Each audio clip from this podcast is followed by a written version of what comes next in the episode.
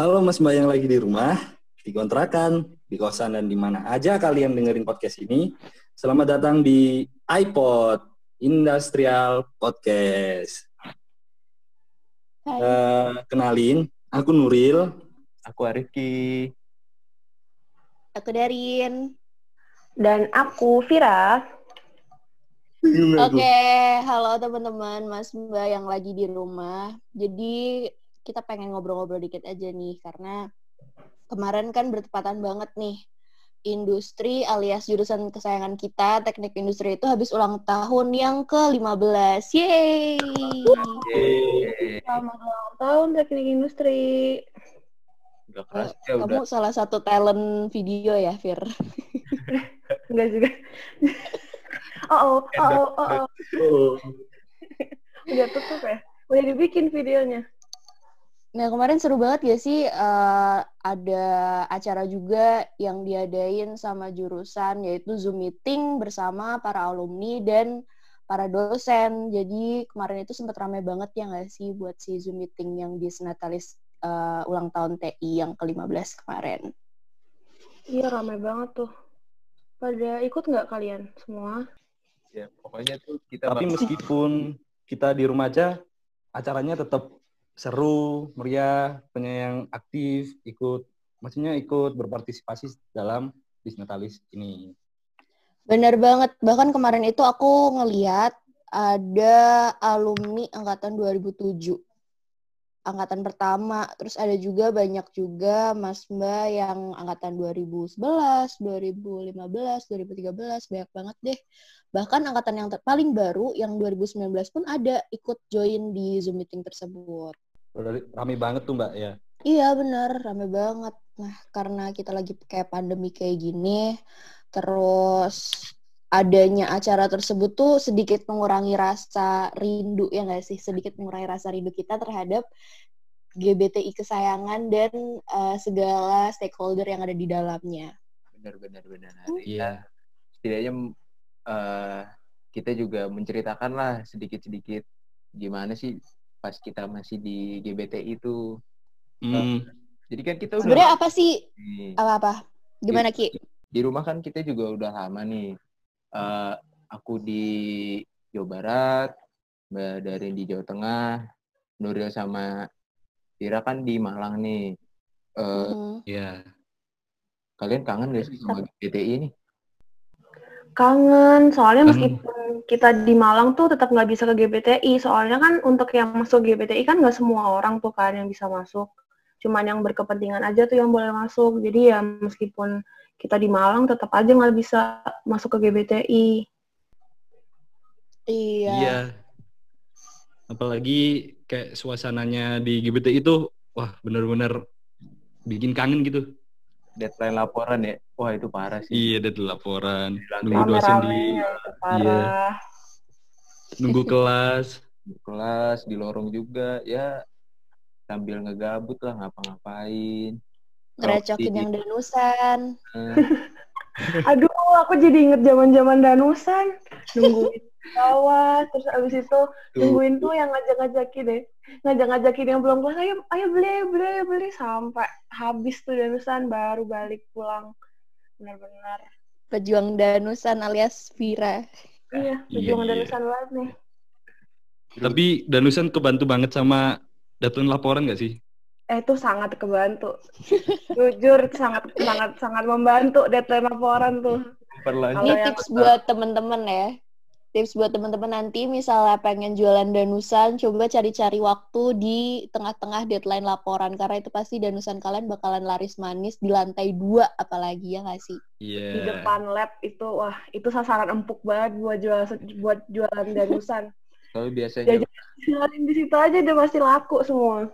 Fokus laporan, lupa makan, lupa segala macem, datang danusan, udah tuh langsung, wah, lumayan nih. Gila nggak kerasa juga ya eh, kita udah berapa bulan nih eh, nggak nggak ke GBTI apalagi kalau aku biasanya walaupun liburan kayak gini pasti balik ke Malang duluan. Karena ada beberapa yang beberapa hal yang harus disiapin gitu kan di di GBTI di lab dan sebagainya kayak gitu kan sekarang tuh kayak ngerasa sedikit hampa kayak ada yang hilang gitu loh nggak ke ke PTI ya nggak sih benar Iya bener Iya. banget. dapat info Kalau mau nyiap nyiapin juga sekarang kayak via meetingnya via online harus gimana gimananya di meetingnya via online nggak bisa langsung Iya. ketemu. Sedih banget. aku dapat info katanya Malang lagi dingin dingin deh iya bener Iya. banget Bener musim maba kan harusnya ya sih Iya musim maba tuh pasti tuh musim dingin. Pasti dingin banget. ini buat pokoknya buat Mas Mbak atau teman-teman yang angkatan 2020 nih, cie yang baru-baru masuk TI. Oke, wuh, selamat datang. Kalau misalnya kalian nih eh, datang ke Malang di bulan-bulan ini, bulan-bulan Juli, bulan-bulan Agustus, itu pokoknya Malang tuh lagi dingin-dinginnya banget. Nah, biasanya kita itu nyebutnya itu sebagai musim maba. Jadi ketika maba datang, itu adalah musim yang dingin paling dinginnya Malang. Bahkan, tahu nggak? Apa Waktu tuh, dulu aku Mbak? maba, aku kan aku kan dari Semarang ya. Hmm, Semarang itu kan panas banget. Eh, sama. pokoknya kan daerah pinggir pantai lah ya istilahnya. Jadi tuh eh, hawanya tuh juga panas, pasti pokoknya panas lah intinya gitu. Aku sempat shock banget ketika aku langsung pindah ke Malang dan suhunya se ekstrim itu kayak gila parah. Iya langsung. Pasti bikin langsung- males mandi. Eh bener banget. Sumpah itu bener banget kayak aku tuh sama sekali nggak ngeluarin keringet gitu loh di Malang. Bahkan aku mau workout pagi-pagi pun aku nggak keringetan karena kayak level keringet aku tuh nggak segitu gitu loh. Emang dingin banget sih kalau di Malang eh, waktu zaman-zaman maba masuk tuh sekitar 17 derajat nggak sih tiap hari? Nah Iya. itu, aku juga sempat sering banget ngecekin suhu di HP. Oh dulu sih masih zaman zamannya Snapchat ya. Dulu kan kalau mau ngecek suhu di Snapchat ya nggak sih? Oh ya, asik banget anak Snapchat. Asik banget anak Snapchat. ya dulu tuh sering banget ngecekin suhu di Snapchat terus yang kayak ada tagnya Malang gitu kan. Wah, gila dingin banget terus kayak pamer ke teman-teman yang lain. Gila Malang segini dinginnya loh. Gitu deh pokoknya seru banget waktu jadi maba dulu gitu. aku juga sempet kan karena aku di Bogor yang notabene juga termasuk eh, panas walaupun kota hujan pas pas pas hujan doang sih sebenarnya dinginnya cuman hujan juga lumayan dingin lah jadi nggak terlalu kaget tuh pas adanya Malang sedingin itu Mm-mm. aku juga pas itu sering ngecekin juga tuh karena kan ada aplikasi kayak buat ngecekin suhu juga tuh yang langsung dari HP-nya aku sering ngeliatin Iya. bahkan sampai 15 derajat 14 tuh jam-jam 2 Mm. pagi karena pas itu emang lagi sering-sering nongkrong tuh sama teman-teman ngopi. Iya. macam. terus ngeliat-liat Anak malu banget nih. Ya, screenshot namanya juga anak muda kan asik Hmm. aku screenshot aku Iya. share tuh di snapgram terus ya pamer terus ngomong ke teman-teman ah as- eh, daripada AC kamu tuh dinginan suhu di Malang gitu Asik. Usah pakai AC udah dingin banget ya. iya Iya. AC. Iya bener banget. Bahkan dulu aku waktu maba itu aku sempet eh, karena pergantian cuaca ya, pergantian cuaca terus kayak kulit aku mungkin kayak eh, butuh adaptasi juga. Aku tuh sempet kayak biduran gitu. Kalian pernah nggak sih biduran?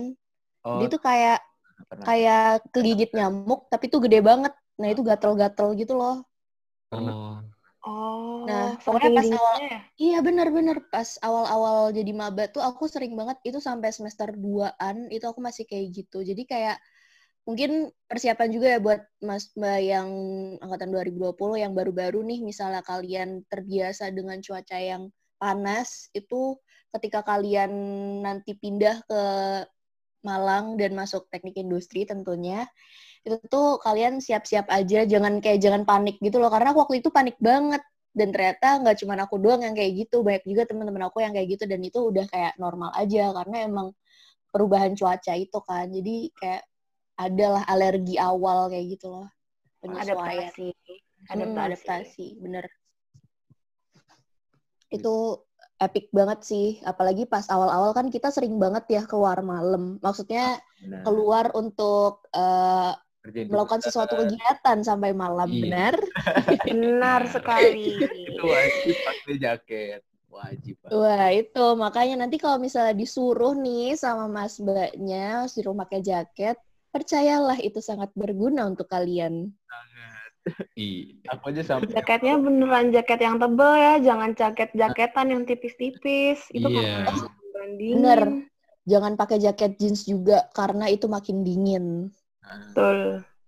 aku aku aja bawa sampai sekitar 5 apa 6 jaket gitu ke Malang tuh. Karena ya gantinya juga cepet buat Iya bener. dingin juga terus kadang juga kan mau ngelepas jaket dingin tapi pakai jaket juga kadang keringetan kan jadi serba salah cuman ya ngalah di- kita harus bertahan dari dinginnya itulah pasti Mhm. Kalau Vira sama Nuril sendiri gimana nih? Ada cerita menarik gak sih yang pernah kalian uh, alamin nih selama kalian kuliah di teknik industri dan yang pastinya di kota kalian sendiri atau Malang? Eh, kalau aku sendiri sih kalau buat suhu yang dingin kayak gitu yang nggak terlalu kaget ya. Soalnya kan emang dari dulu di Malang. Emang Malang tuh dingin gitu loh. Jadinya kayak udah terbiasa sama eh, suhu dingin. Nah malah justru kalau aku kayak ke Surabaya atau ke mana-mana gitu yang panas itu malah aku kepanasan banget karena nggak kebiasa sama suhu panas. Eh, terus kalau buat Benar, benar. masuk kuliah sendiri itu emang jauh beda banget sama SMA ya. Kayak kalau SMA kan masih tugasnya masih terstruktur kayak eh, di masih di oprak-oprak gitu ya istilahnya. Eh, buat Hmm. ngumpulin habis itu bisa ngerjain bareng-bareng ya meskipun di kuliah juga awalnya tuh aku mikirnya di kuliah tuh kayak nggak bakalan eh, individualis gitu loh. Ternyata kalau di sini tuh enggak ya. Di sini tuh benar-benar kita bisa ngerjain bareng-bareng, kayak kekeluarganya tinggi banget gitu loh. Dan itu yang bikin aku seneng sih. Gitu. Kalau Nuril gimana? Kalau ngomongin eh, musim maba ya, waktu Hmm. awal-awal eh, pas Raja Brawijaya tuh, Ya. meskipun aku dari Malang kan, itu tuh Mhm. harus bangun jam 4 pagi, harus mandi, nyiapin ini tuh. Itu tuh bener-bener harus maksain mandi. Soalnya eh, buat ke depannya yang kan ospek yang awal tuh ada tiga hari. Nah, Kalau Iya. yang pertama nggak mandi, nanti pasti ke sana. ngerasain kayak yang selanjut selanjutnya nggak bakal mandi juga. Nuril. Ini ini apa sih? Ini Nuril membocorkan aibnya. oh iya. Gimana nih Nuril? Oh enggak, ada, enggak, enggak. Dia dia dia mandi maksudnya, tapi ada Oh. pikiran Iya, buat tapi tetap pengen mandi. nggak mandi gitu. Sebenarnya ada Iya. pikiran buat apa aku nggak usah mandi ya? Hmm, tidak tidak tidak mending aku mandi saja gitu. Jangan Tapi- sampai ya itu. Iya. Tapi jadinya mandi kan, Ril? Oh jadi mandi. Oh, alhamdulillah. harus jangan capek enggak walaupun keadaannya dingin harus tetap mandi Iya. Meskipun dingin, tapi nanti pas kita ngelakuin aktivitas tuh jadi seger gitu loh. Iya sih, benar-benar benar. Terus juga kalau mandi tuh meskipun dingin-dingin di awal habis mandi kan biasanya jadi anget tuh Nah, ya. kan badan. Cannot relate. Menggigil aku setengah jam. banget sih dingin bener-bener definisi dingin yang beneran dingin Iya parah, Malang itu kota dingin banget. Angkat tangan deh, aku nggak ngerti lagi. bener bener bener Ini ini masih Malang Kota, belum ke Batu tuh. Iya. Oh iya bener, Lagi tuh. bener Batu. bener bener. Batu Kalau- sampai airnya kayak air es. uh parah habis dimasukin kulkas dipakai buat mandi tuh bukan Itu buat segitu kayak gitu Batu. Wah, gila tuh bener-bener dingin ya Parah-parah. Kalau kalian- teknik in- Iya. Ah iya, siapa Iya, iya. yang mau ngomong duluan? Nuril dan Nuril apa Arif tadi? Sama dulu aja deh, Mbak. Waduh, saya sampean. Iya. Nggak nanti Oke. ini dikat. gambreng gambreng Iya, semangat. Kalau tek kan kalian udah masuk nih di teknik industri, kalian udah apa ya, udah hampir menjalani separuh perjalanan lah ya di teknik industri dan di perkuliahan. Em, satu hal yang bikin kalian bersyukur kalian masuk teknik industri apa sih? Aku pengen tahu deh. Dari Arifki dulu mungkin. Yang paling disyukurin ya. Iya, kayak kalian tuh ngerasa untung aku ada di teknik industri gitu loh. Untung aku keterima di sini, untung aku kuliah di sini, ketemu sama teman-teman yang ini, ketemu sama Mas Bayang ini. Hmm, Kalau dari aku sih, eh karena aku juga dari sebenarnya dari TK sampai SMA tuh aku swasta. Mhm. Pas kuliah ini, alhamdulillahnya dapat negeri lewat jalur Hmm. bukan sombong nih ya, cuman berbagi info aja dari jalur SPM. Sebenarnya hoki, alhamdulillahnya ya dapet, jadi nggak terlalu ngebebanin orang tua juga. Dan Mhm. untungnya pas eh, udah nyampe Malang ya, menurutku tempatnya asik sih, bersyukur lah ketemu Mas Mbak, ketemu teman-teman angkatanku juga, yang aku bisa bilang sih asik ya. Ketemu Mas Mbaknya juga asik, nggak nggak ya bener tadi kata Vira kan nggak terlalu apa sih namanya eh egois akan dirinya sendirilah. Masih dibantu gitu sama yang lain. Aku juga pas itu pernah tuh ada cerita maba sih sebenarnya pas maba eh, aku ngambil uang ATM-nya ternyata ketelen di dompetku itu sisa sepuluh ribu kalau nggak salah. Kasihan banget anjir. Bis banget. Terus terus. Eh, akhirnya pas itu buka joki lah buat ngerjain alhamdulillah dapat uang buat tahan hidup pas itu sampai akhirnya ATM-nya bisa dipakai lagi gitu Itu Iya itu cerita perjalanan susahnya Arifki zaman maba. Sampai ada side job. ngejoki tuh bener-bener sampai nggak tidur kalau nggak salah pas itu ngejokinya tuh wah tapi Demi em- makan ya Ki. demi makan tuh Demi sesuap nasi. Kira kukira tuh bakal ada kayak cutting yang ini aku pinjemin dulu uang iya, buat. Arifki.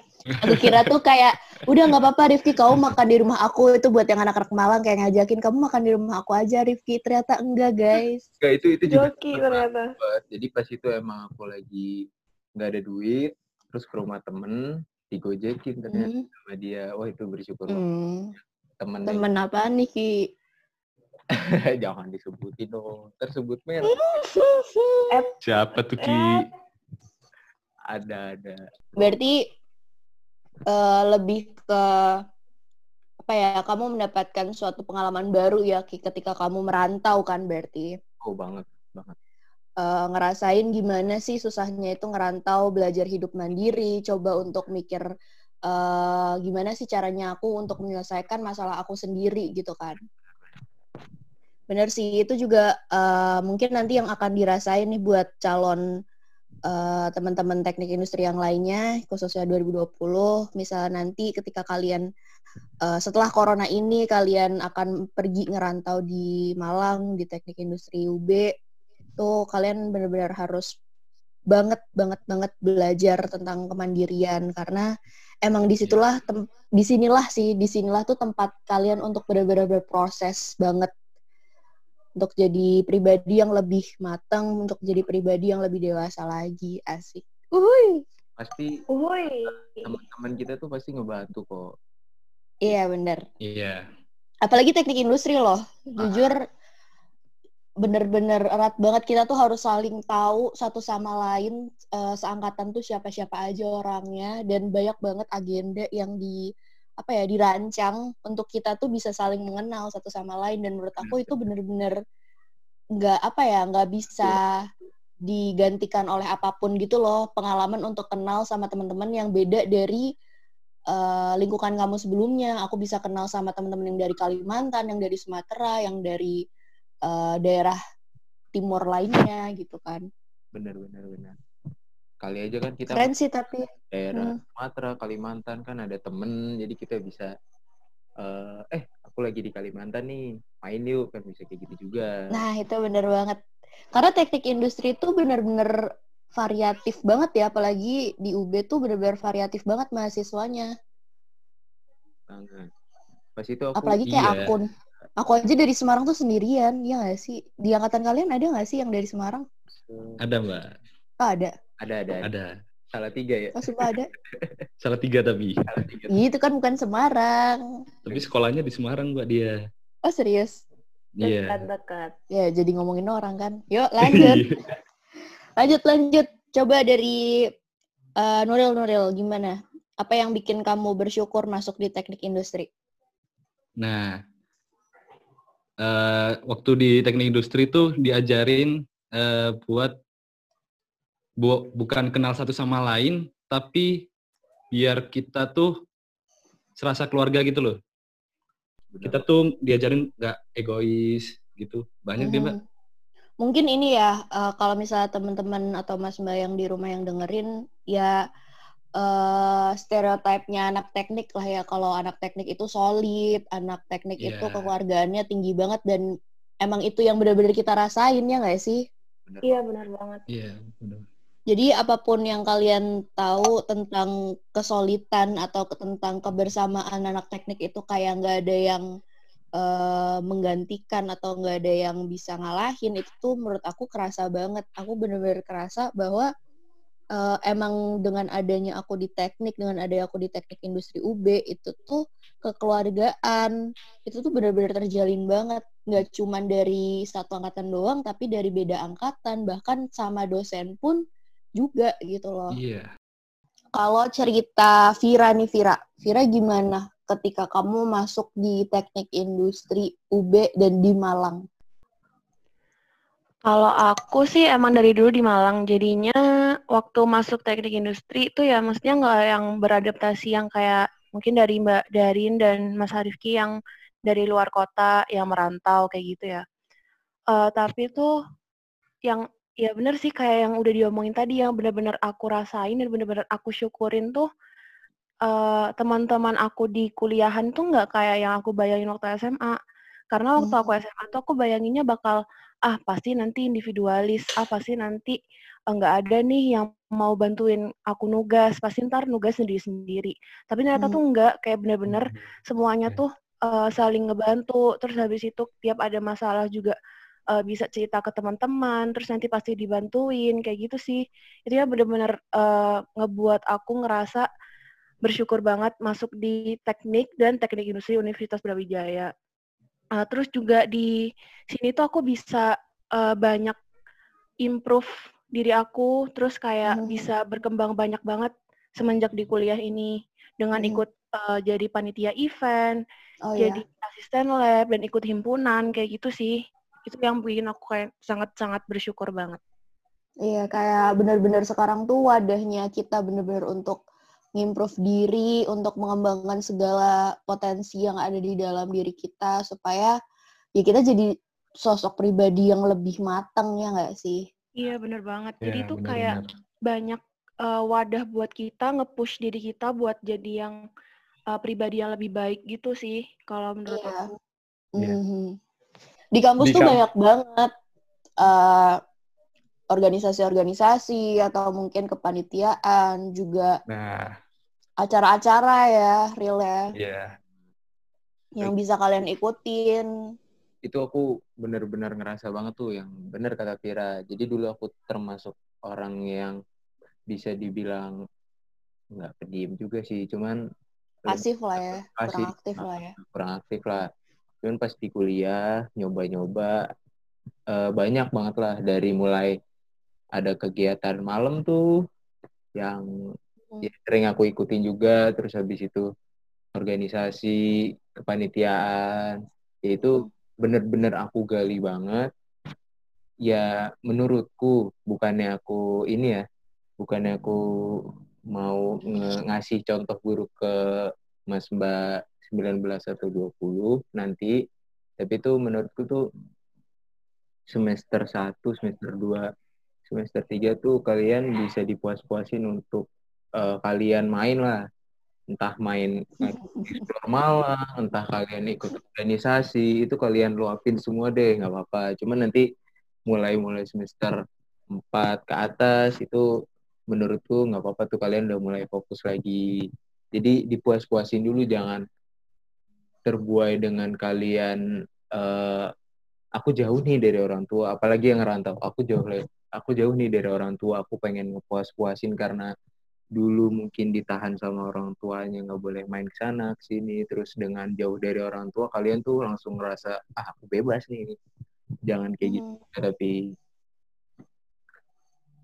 Iya, karena balik lagi tujuan awal kita adalah untuk belajar, tujuan awal kita adalah untuk kuliah. Jadi ya di apa ya, dimantepin baik-baik lah kalau emang tujuan awal kalian itu buat mengembangkan diri kalian lagi untuk gain ilmu lebih banyak lagi di kuliah dan di perantauan mungkin misalnya buat yang dari luar kota.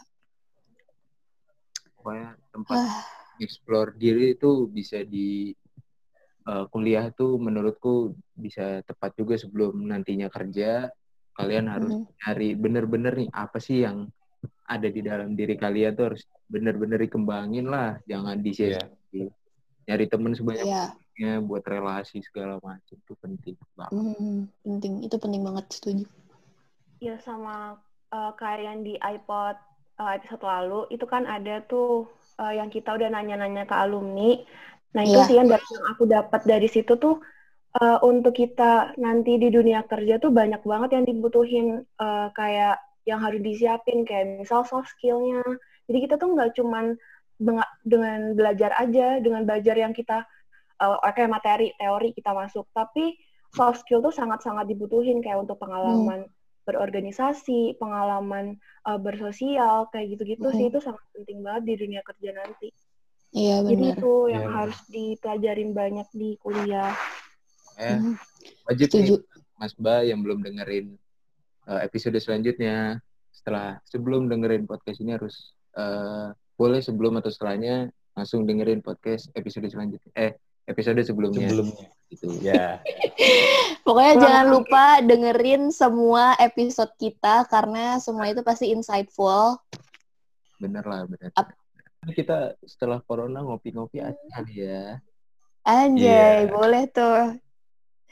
Pokoknya nanti after semua inilah, semua pandemi ini berakhir, semua corona ini berakhir, aku bener-bener pengen banget bisa langsung balik ke Malang, langsung kuliah lagi, langsung ketemu teman-teman yang lain, ketemu adik-adikku tercinta, asik. Iya. pengen ngopi, pengen ngafe, pengen ke Bromo, pengen ke semuanya. jalan-jalan gak sih itu udah bener Jalan-jalan. Iya mau jalan-jalan karena Malang After indah corona. banget. In- Malang Iya. indah banget. Explore Malang, nggak sih? Yuk. ayo ayo Eh, boleh boleh karena Ah, iya. kan biasanya aku ngopi di Malang tuh sekit- kisaran sepuluh ribu nggak sih sepuluh ribu sampai lima belas ribu pas udah pulang di Bogor ya mungkin karena deket kan aku juga deket ke Jakarta sebenarnya jadi ya harganya 20 ke atas wah kerasa juga mau beli kopi susu mikir-mikir jadinya ya bikin kopi susu sendiri aja lah nggak kopi susu Bikinan rumah. bikinan rumah Nah, kita udah dengerin eh, semua yang bakal dikangenin dari teknik industri, dari Malang sendiri. Tapi karena masih ada pandemi, kita harus benar-benar bersabar, tetap di rumah. Kita doakan semoga pandemi ini cepat berakhir. amin Amin. Supaya Mas Nah, Mbak juga ya. atau teman-teman 2020 yang baru bisa cepat ngerasain nih rasanya ada di Malang, cepat ngerasain rasanya ngekos atau cepat ngerasain rasanya kuliah di teknik industri itu seindah apakah seindah itu, bener seindah Cepet. banget, eh, seindah, seenak itu ya. Udah kan jadi selebgram. kuliah itu. Cepet ngerasain ketemu teman-teman baru. Mhm, benar, Nongki-nongki sama teman-teman baru. Kenalan. betul banget. batu Ya mungkin gitu aja ya kali ya teman-teman Iya. buat hari ini ya nggak sih? setidaknya mengobati sedikit mas mbak yang di rumah tentang Malang Mhm. Nah, ada lagi nih Mbak. Buat buat Mas Mbak yang punya ide atau mau request di next episode iPod bakal ngobrolin tentang apa, bisa langsung DM aja di Instagramnya HMTI di @hmtiub atau Mas Mbak juga bisa langsung tulis komen di postingan iPod pada episode ini. Oh iya, jangan lupa buat klik tombol follow hijau di profil iPod ya. Sayonara. Sayonara.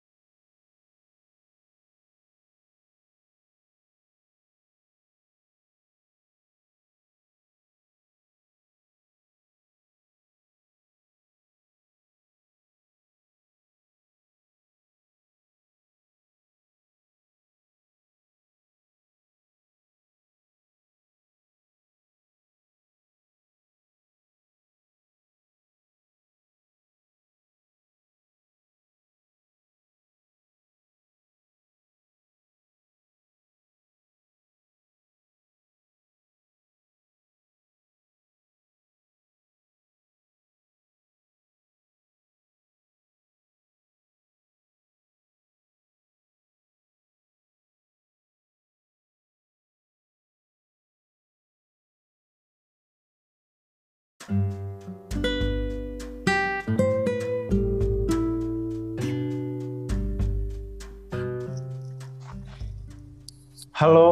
Mas Mbak yang lagi di rumah, di kontrakan, di kosan, dan di mana aja kalian dengerin podcast kali ini.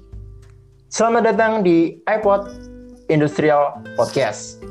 Hari ini kami dari staf magang dalam tanda kutip Mada kali ya manggilnya. Lagi pengen nih bahas suatu topik yang judulnya transisi, adaptasi, kenapa TI. Sebelumnya di sini aku Rafli juga gak bakal sendiri. Ya kali sendiri, nggak seru lah ya. Yang pertama ada Aldi, Halo. yang kedua ada Manda, Halo. dan yang ketiga ada Vanessa. Halo semuanya. Cukup kali ya kalau berempat. Ya udah deh, kita mulai aja. Jadi pertama ngapain ya? Mungkin bisa dimulai dari aku yang curhat dulu nih. Terkait apa ya? Mungkin kita bakal bandingin apa sih bedanya antara SMA atau sekolah dengan perkuliahan kita atau bilang masa kampus lah. Mungkin yang pengen aku curhatin pertama sih terkait cara belajar kali ya. Waktu SMA sama perkuliahan ini bedanya kayak gimana sih? Mungkin kalau dari aku, cara belajar mungkin beda jauh sih ya. Kenapa aku bilang beda jauh? Karena waktu di SMA kita saat berkomunikasi ataupun ya menuntut ilmu lah. Menuntut ilmu pasti ada yang namanya guru ya, sama sih di sini juga. Tapi mungkin di sini panggilnya dosen. Nah, eh, komunikasi dengan guru ini tentu bakal lebih mudah karena ya guru itu bakal kayak ngasih materi kita dengan gampang dan kalau kita tanya dan sebagainya itu interaksinya jauh lebih mudah lah Hmm. dibandingkan sekarang. Hmm. Yang mana Iya nggak sih? Iya, iya. Iya, itu Bang. kali ya. Kalau kuliah itu kayak apa-apa jadi serba susah gitu. Kalian harus ya belajarnya rata-rata individualis, cari materi ini, kalian mata kuliahnya beda dan rata-rata kelas dari tiap-tiap anak itu pasti kayak ngacak gitu. Tergantung kalian milih SKS-nya di awal itu dapat kelasnya sama siapa. Ada sih mungkin yang bareng. Tapi ya rata-rata sih individualitasnya lebih gede sih daripada waktu SMA yang terkenal mungkin lebih santuy dan ya lebih banyak kerjasama. Mungkin buat yang lain nih, eh, khususnya Aldi nih, gimana di? Ya kalau aku dari aku sih ya kalau mungkin nggak jauh beda ya dari kata Raffi tadi. Nah tapi aku mau nambahin aja. Tapi kalau aku rasa eh, di kuliah nih aku jadi bisa lebih explore. Jadi aku nggak cuma terpaku dari kata-kata guru guru atau dosen aku tapi eh, aku bisa nyari sendiri apa sih yang bermanfaat bagi aku dan juga apa yang bermanfaat bagi cita-citaku nanti. Kayak gitu sih kalau dari aku. Mungkin Nesa ataupun Amanda bisa nambahin Kalau dari aku sih eh, belajar waktu SMA sama kuliah pasti ada bedanya juga kan. Eh, tapi eh, kalau aku ya mayoritas sih sama sih sebagian besar belajarku juga tetap sistem SKS. Pasti kalian gitu juga nggak sih? Iya, iya benar benar benar. SKS itu Itu selalu berlaku di mana aja. Iya. Terus habis itu eh, kalau SMA lebih rajin nyatet sih. Kalau kuliah cuman ya paling nyatet dari PPT doang yang penting-penting. Terus ya Slide-nya kebanyakan. Iya bener-bener sampai sampai 100 slide gitu kan. Banget benar benar benar. kan. Ngapain Terus, ya? Ya udahlah, cuma dengerin dosen, nyatet yang penting-penting doang, belajar SKS. Ya emang nggak patut contoh sih. Mungkin kalau Nesa gimana nih Nesa? Ya kalau aku dari aku nggak beda jauh sih sama teman-teman. Ya sama kita eh, juga belajar jadi ngebut juga kan SKS terus dosen tuh ngasihnya PPT doang jadi kita paling ngeprint PPT itu pun kadang suka lupa nggak sih karena kalau kita iya kalau kita nyatet di kelas tuh nggak sempet nggak sih dosen tuh cepet banget Bener-bener banget. banget. cepet banget ngejelasinnya Next, next, next. Iya bener. Iya benar, tapi mungkin di sini bedanya cara belajar kita tuh sekarang terfokuskan ya sama matkulnya. Kalau dulu kan SMA tuh luas banget. Kalau sekarang di kuliah tuh kita fokus ke mata kuliahnya yang kita minatin, khususnya di teknik industri. Nah, terus kalau dari aku, Re, aku tuh ngerasa banget tahu kalau karena aku kan dari Jakarta ya, pindah ke Malang di sini tuh ngerasa banget kalau teman-teman tuh datangnya berasal dari bener-bener beda-beda banget asalnya. Dan kalau dari aku sih agak susah sih awalnya untuk ngejalin komunikasi karena sus karena beda kota kan pasti beda banget kan pola pikirnya. Tapi kalau dari aku tuh em, ini sih ngerasain kayak malah kalau bera- makin beragam asalnya aku makin tahu ternyata tuh lu eh, jenis je- bukan jenis sih pola pikir orang-orang tuh sangat-sangat beda banget gitu loh dan memperluas pola pikir aku sendiri kalau dari teman-teman sendiri khususnya eh, bisa nih eh, Rafli jawab kalau kamu tuh ngerasa gak sih teman-teman yang berbeda ragam asalnya ini susah buat jalin komunikasi Oke, mungkin disambung aku dulu kali ya. Mm. Eh, sebenarnya buat permasalahan jalan komunikasi, mungkin tiap orang punya masalahnya masing-masing. Ada orang yang ya sifatnya introvert lah, dan ada yang namanya extrovert. Nah, di introvert ini mungkin ya kalau ketemu lingkungan baru, bahasanya beda, logatnya beda, mungkin bakal wah kena pukul sih. Jadi kayak, aduh, ini kok susah banget ya ini ngajak orang-orang ini. Udah gue orang Hmm, pendiam, benar-benar, ini orang bahasanya beda juga.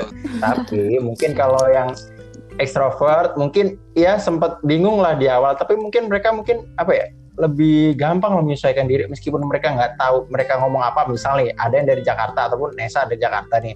Terus denger, denger orang-orang kayak tiga orang gitu ngomong pakai bahasa Jawa gitu. Kadang-kadang Hmm. mau masuk pasti kayak berusaha menyesuaikan kan padahal uh, Nesa sendiri nggak tahu gitu kan ya. Benar benar benar. Kurang lebih yang uh, asik gitu sih. Tapi kalau jalan komunikasi uh, balik lagi ke diri sendiri, ada punya niat atau enggak, udah gitu aja sih. Mungkin Hmm. lanjutnya bisa next sih ke Aldi. ya kalau dari aku Aldi sih gimana di ya kalau dari aku sih anggapin yang kayak teman kita dari banyak banyak daerah gitu terus juga dengan cara komunikasi yang berbeda-beda terus juga dengan eh, kayak adat istiadat yang berbeda juga itu bisa nambah keragaman sih kalau dari aku ya Hmm, kayak benar-benar Iya kan? Hmm, betul betul. kayak aku dulu nggak tahu bahasa Jawa nih ya sekarang aku udah bisa dah dikit Asik apalagi minta tuh Aduh. kayak gitu sih jadi ya kayak nambah aja uh, pengetahuan dalam bahasa terus juga uh, kayak uh, cara kita berkomunikasi dengan orang lain jadinya nanti kalau misalnya kita uh, kerja ke daerah uh, luar daerah kita juga bisa lah menyesuaikannya kayak gitu sih Benar-benar. Harus adaptif sih emang ya. Iya, Kalau Manda. Kalau aku sendiri sih, kalau untuk jalin komunikasi sih untungnya nggak ada kendala sih ya. Kalau Hmm. untuk teman-teman yang buat emang non Jawa gitu kan, yang dari Jakarta atau dari luar pulau, ya disesuaikan aja pakai bahasa Indonesia yang baik. oh iya, Manda kan dari Surabaya ya. Nah iya benar. iya Jadi Gua dong emang- enak ya. Kalau emang ngomongnya sama sesama Jawa gitu yang emang dia ngerti bahasa Jawa ya udah pakai bahasa Jawa. Tapi kalau emang ada temen lain yang non Jawa ya kita ngikutin aja lah alurnya. Kalau pakai bahasa Indonesia bahasa Indonesia. Intinya saling menyesuaikan aja sih, saling apa ya? benar-benar Toleransi saling ter- juga lah ya. Toleransi gitu. Betul, betul. Hmm. Gitu sih kalau dari aku. Hmm, dari tadi kan kita udah bahas nih tentang komunikasi, terus tentang cara belajar kalian di SMA sama kuliah. Terus kalian ngerasa nggak sih ada perbedaan eh, di lingkungan kalian waktu di Malang ini? Beda banget kan pastinya sama daerah asal kalian. Mm-mm. Eh, lingkungan lingkungan kan juga bisa di kampus maupun di tempat tinggal kosan kalian kan. Eh, menurut kalian gimana sih eh, cara nyesuaiin kondisinya? Kalau aku kan eh, sama-sama di Jawa nih ya, Surabaya sama Malang kan deket juga. Jadi untuk nyesuaiin di lingkungan tempat tinggal sih nggak seberapa nggak seberapa ngaruh gitu soalnya emang eh, kultur bu- budayanya juga mirip-mirip. Terus kalau untuk makanan juga kayak mirip-mirip gitu kan, jadi nggak ada masalah. Kalau kalian gimana nih? Hmm, kalau dari aku ya, aku dulu nih. Kalau dari aku oke. tadi lah kan aku bilang aku dari Jakarta. Jakarta tuh panas banget dan pertama Ih, kali aku ke juga, guys. Iya, dan per- dan pertama kalinya aku ke. Malang itu bener-bener aku sangat-sangat kedinginan karena pas banget ya sih kalau bulan maba tuh Malang dingin banget. Musim Bener-bener. Musim angin dingin. Musim maba tuh maba disambut dengan eh, dinginnya Malang, enak banget pokoknya. Iya dan Iklim. untuk Mm, mm, mm, mm. dan kalau untuk nyesuain sebenarnya eh, yang tadi aku mulai belajar bahasa Jawa, aku juga sedikit sedikit lah mengerti kalau teman-teman dari Jawa tuh eh, ngomongnya tuh ngomongin apa sih gitu. Aku tuh jadi ikutan karena kan balik lagi karena aku yang minoritas, aku yang datang ke Jawa, pastinya aku yang menyesuaikan lingkungan aku. Terus yang kedua aku juga ini sih mengurangi kata-kata kasar yang biasa dipakai di Jakarta. Bener banget.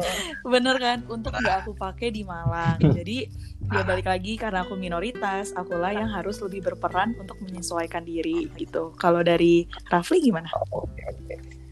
Oke, next mungkin aku. Kayak Sabi sih.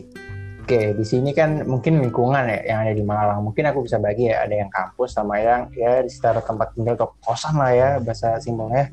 Kalau di pertama di lingkungan kampus, sebenarnya di lingkungan kampus kan intinya kalau aku sih ada Jawa sama non Jawa, udah gitu doang. Nah, di sini masalahnya adalah kalau ngomong ke sama ke teman Jawa itu pasti meskipun kita tahu kita sama Jawa itu pernah nggak sih kalian kayak eh aku ate ngom- ngomong bahasa Jawa pengen ngomong bahasa Jawa nih Iya, iya. tapi mereka sebenarnya juga tahu gitu bahasa Jawa tapi yang timbul bahasanya adalah bahasa Indonesia Kayak itu aneh banget sih Iya benar-benar benar. Aku ngerasain itu juga.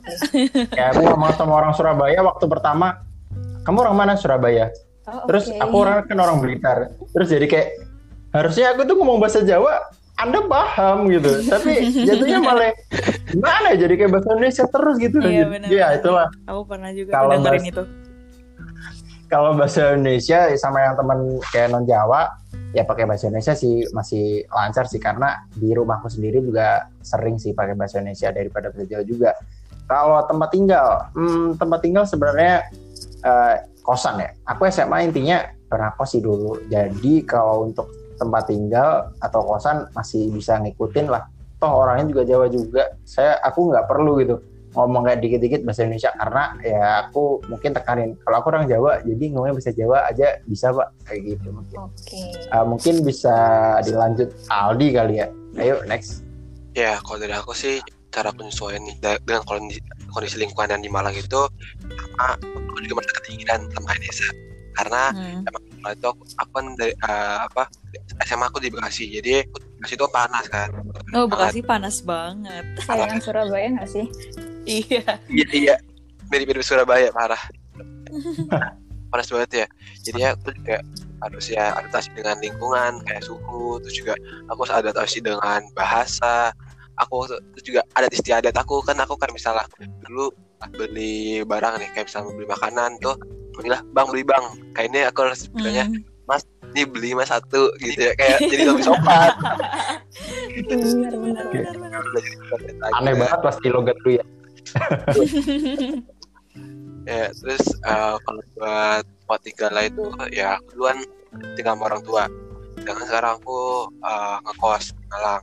Nah jadi ya harus eh, mandiri lagi sih lebih mandiri terus juga harus Benar-benar. ngurus semuanya keluar sendiri jadi nggak bisa bergantung lagi ke orang lain kayak gitu sih terus juga kan sekarang eh, aku di TI di TUB nih udah mulai berproses nih kita semua nih nah Hmm. di tahun lalu. Kenapa sih mutusin buat milih TUB sebagai tempat pelabuhan kalian? Kalau aku kan milihnya TUB kan uh, untuk TI sendiri aku pilih karena aku tahu TI itu kan uh, banyak ya, banyak yang pelajari terus juga prospek, kerjanya juga lumayan luas gitu kan. Jadi salah satu minat aku di TI. Terus juga kalau misalnya TUB itu karena UB itu di Malang yang daerah dingin, jadi pengen coba aja apa suasana baru daripada kayak yang biasanya di Bekasi itu. Kalau dari Amanda gimana nih? Kalau dari aku sendiri sih kenapa milih TUB ya? Jadi awalnya tuh kelas 10 sebenarnya nggak tertarik sih sama TI, adalah jurusan lain yang aku tertarik gitu. Gue lama mikir, "Eh, Hmm. aku bisa nggak ya masuk jurusan ini? Terus kayak, ah nggak deh aku mundur aja. Akhirnya aku cari-cari-cari dan nemulah TI ini yang kira-kira kayak aku cocok gitu kan. Walaupun kayak pandangannya nggak ngerti lah TI ini belajar apa, yang bilangnya belajar campur-campur atau apalah semua dipelajarin jadi kayak ya udahlah nekat aja milih terus kenapa sih kalau milih UB eh, sebenarnya sih alasan pertama pengen rantau sih soalnya pengen bebas gitu kalian ngerasa juga nggak sih rantau pengen bebas Iya benar-benar benar. Benar. bebas dari panasnya Surabaya kali ini ya Mana? Iya pengen lebih bebas aja maksudnya ya izin kalau Ah. ah. itu kalau untuk yang perlu-perlu aja gitu kalau untuk mau kerja kelompok Mm, atau apa ya nggak izin gitu lah hmm, kalau Mm. Nesa gimana nih kalau Hmm, kalau dari aku, kenapa harus eh kenapa teknik industri? Karena sebenarnya aku emang udah pengen sih teknik industri dari kelas 11. Karena aku tahu kalau em, ilmu yang dari yang dipelajari di teknik industri itu luas banget, khususnya untuk sosial dan manajemennya juga dipelajari di teknik industri. Karena aku kan anaknya suka banget ya berhubungan dengan manusia, suka juga ngurusin manufaktur. Jadi menurut aku teknik industri ini jurusan yang kayaknya cocok sih sama aku. Terus kalau misalkan pilih UB, ya tadi karena aku pengen ngerantau, tapi ini ngerantaunya jauh banget sih dari Jakarta banget, Malang. Betul. Jauh Jauh banget, banget. iya kan di, jauh banget kan di. Dan aku tahu Malang tuh tempatnya kayaknya nyaman banget buat eh, merantau dan ternyata benar Ah, nyaman banget karena kayaknya di Malang tuh mostly anak ini gak sih anak rantau apa, Iya. mahasiswa Benar. gitu Mahasiswa. Iya, Ya. Mm-mm, mahasiswa Jakarta jadi apalagi. lingkungannya tuh mm-mm, lingkungannya jadi enak banget. Kenapa nah, jadi di situlah aku kenapa milih TUB dan sekali lagi TUB kan akreditasinya A jadi Iya, aku benar pilih juga di sini. Sih. kalau dari hmm, kalau dari Raffi gimana? Eh, dari aku. Mulai dari mana ya? Eh kenapa putusin untuk milih TIUB mungkin kita bahas dari TI-nya dulu. Secara umum ya. TI adalah ya itulah ilmu yang bahas banyak hal sekaligus. Dan intinya buat Islam nah tapi eh, waktu dulu eh, waktu kelas 10 sebenarnya aku punya target lain nih. Jadi aku eh, pernah nih ke jurusan dua lain tapi kayak ngerasa gitu oh nanti aku di kelas 3 kalau aku pilihannya cuma dua ini kayaknya kurang sih. Coba deh milih satu lagi. Apa sih yang kira-kira cocok dengan eh, kehidupanku kayak gini? Terus akhirnya di sampai dua, kelas 12 pun aku juga ingat oh aku dulu pernah ikut uh, lomba IPA waktu SD terus SMP pernah ikut lomba IPS dan di SMA aku ikut lomba IPA lagi. Dari situ aku mungkin ngerasa aku harus cari ilmu nih. Yang di situ ada IPA-nya tapi IPS-nya juga ada gitu. Jadi aku nggak pengen gitu tinggal salah satu. Dan akhirnya ketemu "Oh, jurusan ini. Oke dari situ aneh banget sih ya. Eh, dari situ mungkin eh, udah nentuin nih. Oh udah TI nah akhirnya terus milih nih. Tinggal univ ya. Univnya mana sih? Nah aku nyarinya nggak langsung kayak langsung top top gitu yang mana TI paling bagus enggak aku milih dari eh, yang akreditasinya A yang pertama kenapa karena ya Benar benar benar. akreditasi A itu udah uh, menunjukkan bahwa kalian tuh sebenarnya udah cukup setara gitu. Mungkin adalah beda satu dua hal, tapi intinya kalian tuh hitungannya tetap dari segala sisi tuh udah akreditasinya sama gitu loh ya. Nah, ya. Nah dari situ uh, meskipun beberapa kalian mungkin ngira Blitar tuh kayaknya nggak terlalu panas. Ah, Anda salah Ferguson ya. Blitar itu terkadang tuh juga panas. Apalagi waktu habis Jumatan. Waduh, panas sekali ya. Itu pertama. Dan akhirnya aku mulai milih nih.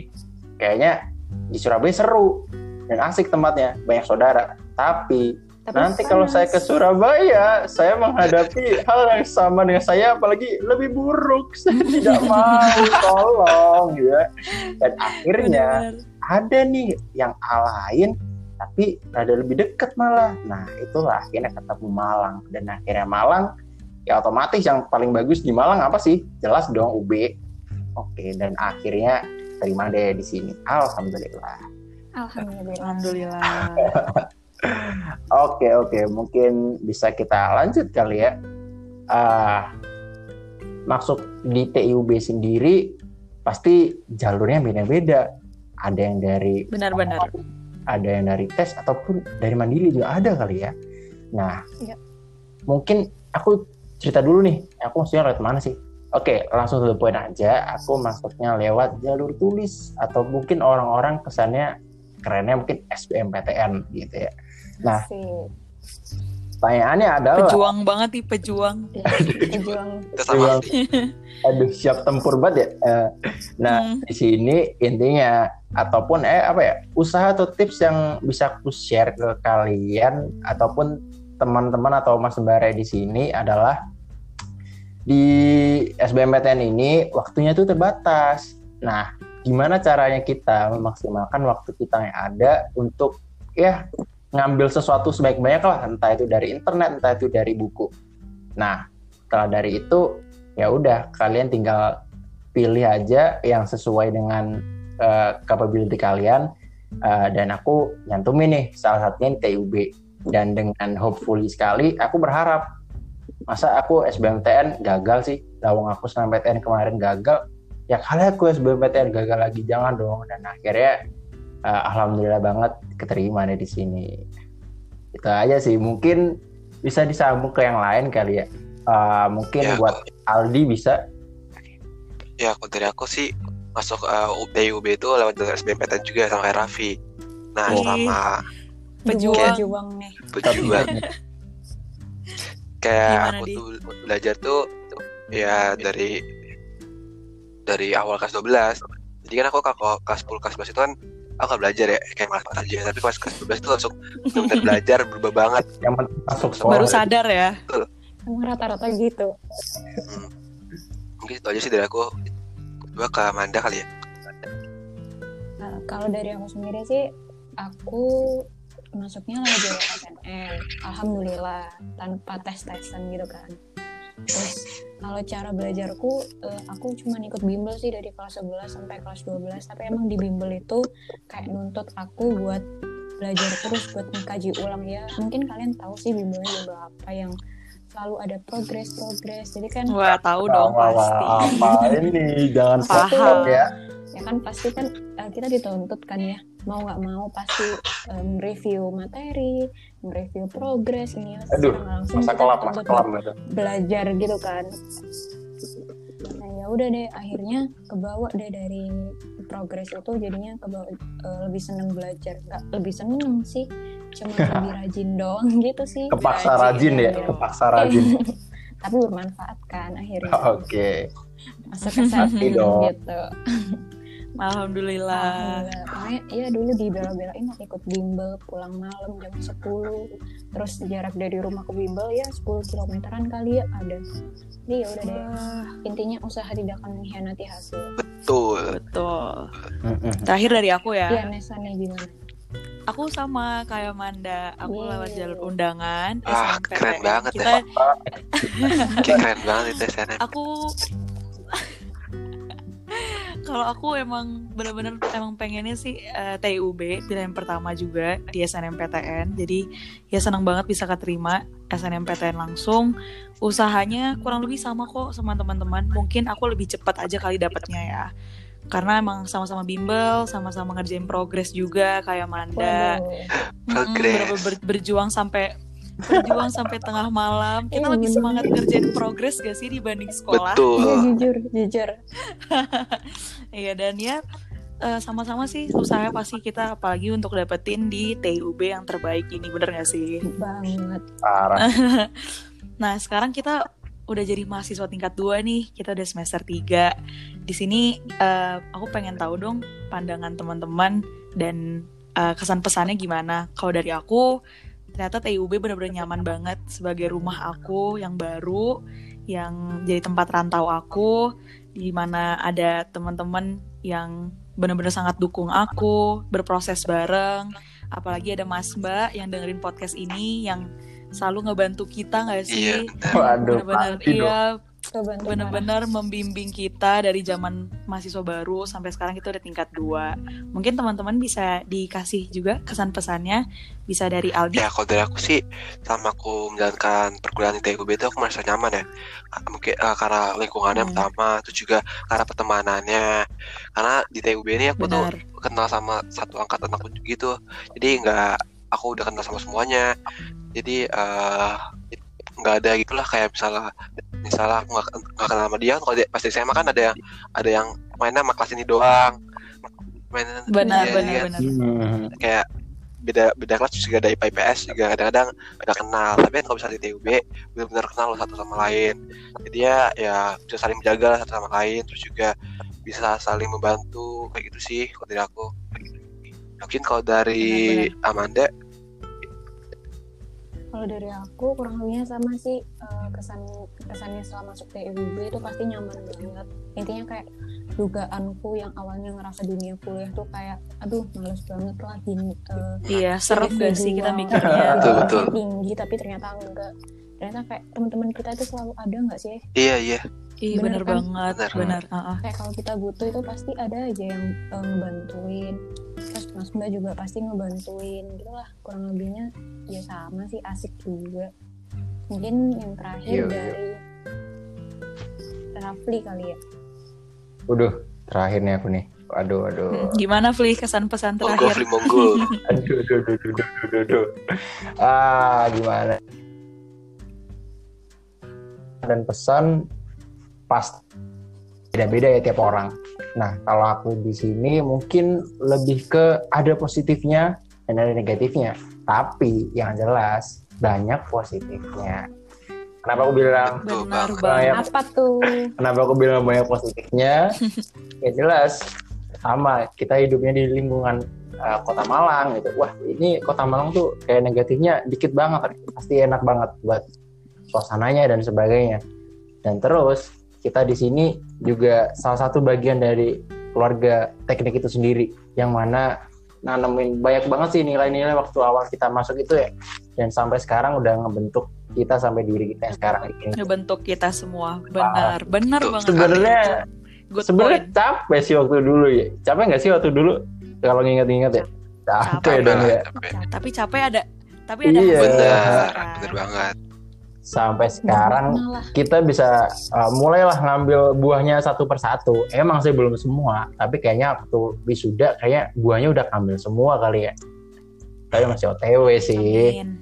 jadi intinya uh, fun dan menyenangkan tapi di balik fun dan menyenangkan pasti ada perjuangan. Jadi jangan lupa Ih, buat betul. nginget masa lalu kalian. Kalian tuh dari mana? Yang awalnya kita masih belum apa sampai kita bisa jadi diri kita yang sekarang ini setuju setuju betul banget betul banget mantap mantap nih ya oke kayaknya udah cukup lama ya kita ngomong iya gak sih Iya. Mm-mm. Kayak kita udah udah 25 menit Buset, gak wah, sih? lama Kita juga ya. Seru banget. Nggak banget. kerasa Nggak nggak kerasa, sih? nggak kerasa.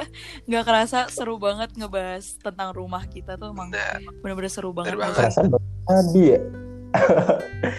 Dari kita kepanjangan sebenarnya yang pengen kita bahas banyak sih ya mungkin ya. Tapi mungkin ya ada satu dan dua hal yang menyebabkan ada baiknya mungkin udahan dulu kali ya. Mungkin nanti bisa dilanjut lah. Jadi Oke ya, Bisa, bisa. makasih banyak banget buat Aldi, Amanda, dan Nesa yang udah nemenin aku Oke. Sama-sama. curhat bareng dan bagi-bagi cerita di iPod. Semoga Mas Mbak dan teman-teman yang dengerin ini terhibur, seneng dan ya dapat refreshing baru lah dari kesibukan kita yang sekarang. Dan sekian buat Amin. iPod dari kami dalam kutip Stagang HMTIUB. Sampai jumpa kembali di iPod yang selanjutnya. See you. Dadah. See you. Dadah semuanya. Makasih, makasih.